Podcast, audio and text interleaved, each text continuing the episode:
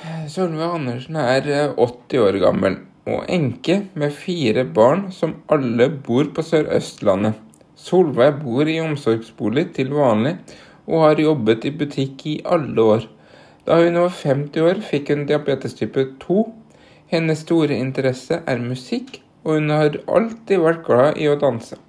Diabetes type 1 er en autoimmun sykdom som vanligvis skyldes at kroppens forsvarssystem feilaktig oppfatter de insulinproduserende cellene i budsjettkjertelen som fremmede og ødelegger dem. Årsaken til at så mange utvikler diabetes type 2 er mange og komplekse. Insulinresistens en viktig årsak til diabetes type 2 er at cellene i musklene, leveren og fettvevet vårt ikke reagerer som de skal på hormonet insulin. Man sier at de er insulinresistente. Det er disse tre organsystemene, muskler, lever, fettvev, som er de viktigste for sukkerbalanse i kroppen vår. Diabetes type 2 kan også skyldes at bukspyttkjertelen produserer for lite insulin. Men i motsetning til ved diabetes type 1 er det langt fra alle som trenger behandling med et ekstra insulin. Alle aldre. Diabetes type 2 kan ramme unge og eldre. Selv om det fremdeles er vanlig å få diagnosen etter fylt 40 år. Forskere har funnet frem til en rekke faktorer som kan forårsake eller øke sjansen for å utvikle diabetes type 2. Her skal vi ta for oss de viktigste genetisk, overvekt, fedme, kosthold og manglende fysisk aktivitet. De vanligste årsakene til benamputasjon er trange blodårer i bena. Mange av disse pasientene har i tillegg diabetes. Det er først og fremst hvilesmerter eller utbredt sår med eller uten infeksjon som avgjør når det, er, det må utføres en amputasjon. Som har skjedd i dette tilfellet her, med tanke på at Solveig har diabetes. Og det er veldig vanlig at eh, dem som har diabetes, kan få nevropati. Nevropati, høyt blodsukker over tid, ødelegger nervene i eh, føttene. Det kalles nevroparti og betyr at eh, du har nedsatt følelse, i dette tilfellet føttene. Berøringssansen er nedsatt, og du merker ikke stikk eller trykk like godt som før. Det blir også vanskelig å kjenne forskjellen på varme og kalde ting. Du kan derfor f.eks. gå med en stein i skoen uten at du merker det. Du får lettere øh, fotsår uten at du merker det. De som yter øh, tjenester, øh, er forpliktet til å praktisere brukermedvirkning. Dette er nedfelt i loven om pasient- og brukerrettigheter. Brukermedvirkning i planlegging innebærer f.eks. at brukeren deltar i et planleggingsmøte sammen med eh, fagpersoner. Fagpersonene skal se på synspunktene til brukeren som, er, eh, som en ressurs for å kunne lage et godt tjenestetilbud. Fagpersonene skaper tillit til brukeren ved eh, å vise at de tar hans eller hennes synspunkt på alvor. I gjennomføringen ser man eh, på hva som skjer mellom brukeren og helsefagarbeideren når eh, pasienten får bistand. Hvordan relasjonen mellom de to er, og hvordan helsefagarbeideren involverer brukeren når han hjelper han eller henne. Helsefagarbeideren må kommunisere med brukeren, stille spørsmål og fortelle hva som skjer. Eh, slik at brukeren opplever situasjonen som trygg og forutsigbar. Brukeren får eh, da også mulighet til å gi signaler tilbake for eh, å korrigere helsefagarbeideren dersom han eller hun ønsker at tjenesten skal bli gitt på en annen måte. Det er spesielt viktig at helsefagarbeideren følger med på de ulike signalene brukeren prøver å gi. fordi disse kan kommunisere på mange forskjellige måter, både verbalt og med kroppsspråk.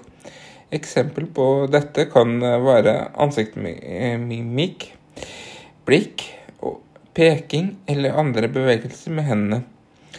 Vi sier at helsefagarbeideren må være en god lytter, og man må kunne lytte til både verbalt språk og kroppsspråk.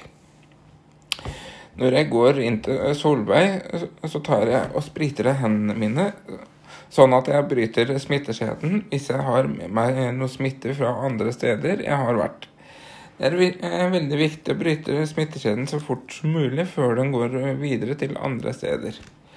Jeg vil begynne med å innlede samtalen med Solveig der jeg presenterer meg og bruker aktiv lytting og øyekontakt for at jeg skal bruke eh, for, for at begge skal være sikre på at uh, informasjonen er mottatt og forstått. På denne måten får Solveig bekreftelse, og maktbalanse mellom pasient og helsepersonell blir uh, likevekt. For å kunne vurdere en uh, pasient allmenntilstand må en helsefagarbeider observere pasienten, lytte til pasienten. Hva mener pasienten om sin helsetilstand? Hvordan en pasient stemmeleie og tonefall gir pasienten fra seg uvanlige lyder som stønn, surklete respirasjon. Se på pasienten. Hvordan er pasientens hudfarge? Hvordan er pasienten bevegelse? Svetter pasienten? Hvordan er pasienten ansiktsuttrykk? Kjenn pasienten. Er pasienten varm, kald, svett? Er pasienten tørr? Har pul eh, pasienten puls? Lukt. Er det spesiell lukt fra pasientens avføring, urin, pust? Observer pasientens trivsel. Det kan være vanskelig å observere om en person trives eller ikke, da det er stor forskjell på hvordan trivsel eh, kommer til uttrykk. En pekepinne på trivsel kan likevel være hva og hvordan svarer pasienten når du spør hvordan han har det. Virker han unormalt passiv eller trist? Det er vesentlig at eh, Solveig vet at jeg er her for henne. Når jeg kommer bort eh, til henne, så spør jeg at Solveig om jeg kan vaske hendene hennes. Og om jeg kan ta måle blodsukkeret hennes før vi går og ordner Solveig for dagen. Det er alltid greit å ta og sjekke blodsukkeret, sånn at du vet om det er høyt blodsukker, hyperglykolin, eller om det er lavt blodsukker, hyperglykomi. Blodsukkeret skal ligge på mellom 4 og 7 om morgenen. Symptomer på alvorlig føling kan være talevansker, dobbeltsyn, forvirring, sterk unormal oppførsel, nedsatt bevissthet, bevisstløshet. En nedsatt En lett føling kan eh, behandles med mat eller drikke på senga før man begynner med å eh, stelle med Solveig. Søt drikke som et glass juice, melk, frukt, noe druesukkertabletter, honning eller et par sukkerbiter går uh, raskt over i blodet og gir i løpet av 10-20 minutter den nødvendige blodsukkerstigningen. Hvis en insulinbruker raskt får nedsatt bevissthet eller uh, mister bevisstheten, må det tolkes som en alvorlig hyperglykemi, sterk føling. Ved alvorlig føling gir raskt noe sukkerholdig å drikke eller spise. Er det ikke mulig å tilføre druesukker eller noe annet søtt gjennom munnen pga. bevisstløshet eller eh, sterk motstand, kan pårørende eller helsepersonell sette 1 mg glykogon i underhudsfettet subkutant som eh, ved en vanlig insulininjeksjon. Blodsukkeret vil eh, da stige med 2,5 til 3,5. Det har vært vanskelig for eh, Solveig etter amputasjon. Hun har eh, mye smerter og viser tegn til å være i en eh, krise. Det er flere typer kriser, men i dette tilfellet er det et traumatisk krise. Er det dramatisk hendelse eller forandring som oppstår plutselig og uventet. Det er f.eks. ulykke, dødsfall, sykdom eller i Solveigs tilfelle tap av en kroppsdel. En traumatisk krise kan også være en person eh, opplever en eh, krenkelse. Når du skal hjelpe mennesker som er i en krise og sorg, må du bruke kunnskap om kommunikasjon, om empati og om hvordan du kan være et menneske. Det nytter ikke bare eh, med teoretisk kunnskap. Det avgjørende er hvordan du bruker kunnskapen. Du må skape et godt forhold mellom deg og pasienten. Det du viser eh, empati, eh, lytter aktivt og arbeider for å skape tillit og trygghet. Jeg informerer Solveig om rehabilitering. Rehabilitering er satt sammen av re og habilitering. Det betyr å gjenopprette habilitet. Det er altså eh, snakk om å trene opp en funksjon som en person har mistet eller eh, greid å opprettholde. Rehabilitering eh, kan være eh, vare opp til et år. Det er avhengig av såretilheling, smerter, allmenntilstand og hvordan man lykkes med tilpasning av protese. Det går omtrent fire til åtte uker fra amputasjon til du kan begynne å bruke protesen i hverdagen. Eh, så lenge det ikke oppstår komplikasjoner eller problemer med såretilheng. Etter første rehabiliteringsoppholdet vurderes behovet for eh, videre oppfølging individuelt.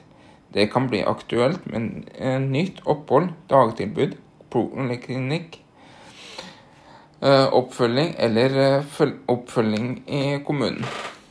Dersom du skal bruke protese, vil du trenge oppfølging av ortopedisk eh, verksted resten av livet. De første årene er det vanlig med hyppige justeringer av protesen pga. Eh, naturlige endringer i vevet i amputasjonsstumpen. Du skal, kan selv ta kontakt med ortopedisk verksted ved behov for justering av protesen er to typer smerter som eh, er vanlige etter amputasjon. Fantomsmerter og smerter i amputasjonsstumpen. Fantomsmerter er smerter fra benet som er amputert. Hvordan disse smertene oppleves, kan variere fra person til person. Det kan eh, f.eks. føles som prikking, stikking eller verking. Smertene kan komme og gå og variere i opplevelse. Intense fantomsmerter eh, vil bedres med aktivitet og som regel avta gradvis over tid. For å lindre smerte kan det hjelpe å bevege seg litt eller å skifte stilling på amputasjonsdumpen. Noen opplever at smerten forsvinner eh, når de begynner å bruke protese. Før en protese kan tilpasses, må amputasjonsstumpen ha eh, minst mulig eh, hevelse. For å oppnå dette eh, starter vi med kompresjon, f.eks. ved å bruke elastiske strømper og bandasje. Stumpen må tåle belastning og trykk over tid. Derfor må de fleste sår være tilhellet. Mange muskler er borte er borte, noen som betyr høyere belastning på de musklene som er igjen. Høyere egeninnsats i trening eh, vil være avgjørende for å oppnå en god funksjon. Det er viktig at du lærer deg å opprettholde bevegeligheten i ledene og forebygge utviklingen på feilstillinger. Under veiledningen av fysioterapeut vil du få utarbeidet et egentreningsprogram. Bassengtrening er også et svært godt alternativ for de fleste. Blant annet gir dette mulighet for fri bevegelse og trening av kondisjon. God hygiene og godt stell av amputasjon er viktig for å minimere risikoen for sår og skader. Når du har fått liner eller protese, er dette ekstra viktig. Og tilpasning og oppretningsfasen Opptreningsfasen er det viktigste å inspisere stumpen grundig hver gang surring, strømpe eller silikonhylse tas av. Undersiden inspiseres med et lite håndspeil. Vær oppmerksom eh, på hudforandring som eh, blemmer, utslett og sår eller forandring i operasjonsåret. Det er viktig å fortsette med å ta vare på eh, amputasjonsstumpen. Hold hunden ren og tørr. Unngå trykk og drag som kan skape hudhydratasjon eller sår. Etter gjennomført protesetilvenning kan du unngå hevelse ved å bruke protesen eh, så mye som mulig. Her på sykehuset har vi ergoterapeut, fysioterapeut, sykepleier, helsefagarbeider, lege og fot, uh, fotterapeut som jobber sammen. Ergoterapeut kan hjelpe til uh, å tilrettelegge bolig i forhold til den sykdommen eller funksjonsevnen brukeren har. Ergoterapeut kan også bistå med å skaffe praktiske hjelpemidler som eh, brukeren trenger i hverdagen. Fysioterapeut kan hjelpe brukeren med eh, opptrening, fysisk trening. Fotterapeut er særlig viktig med tanke på pleie og stell av føttene, inkludert stell av negler og hard hud. Både tidlig diagnostikk og behandling kan eh, bidra til at pasienten unngår fotsår. Ernæringsbehandling. Det er først og fremst karbohydratinnhold i maten eh, og drikke som får eh, blodsukkeret til å stige. Effekten på blodsukkeret er avhengig av hvor mye som spises av den aktuelle matvaren. Type karbohydrater, mengde Eh, eh, kostfiber og måltider inneholder av fett og protein. Karbohydratmatvarer eh, som gir rask blodsukkerstigning, bør erstattes med matvarer med komplekse karbohydrater, fiberrike varianter og eventuelt kunstig søte produkter. Solveig bør, må beregne karbohydratene i kosten sin Tanke på eh, karbohydrater gir rask blodsukkerstigning, som ikke er bra for folk med diabetes. Helsepersonell skal hindre at andre får eh, adgang eller kjennskap til opplysninger om folk, legemenn eller sykdomsforhold eller andre personlige forhold som de får eh, vite om egenskap av å være helsepersonell. Taushetsplikt etter eh, paragraf 21 er ikke til å hindre for at opplysninger uh, gjøres kjent for den opplysningen direkte gjelder, eller for andre i dette uttrekket den som har krav på taushetsplikt. Taushet samtykker. Når man skal rapportere, skal man rapportere det som har skjedd på en vakt. Og det som man har måla. Og så skal man rapportere muntlig til den som tar over vakta neste.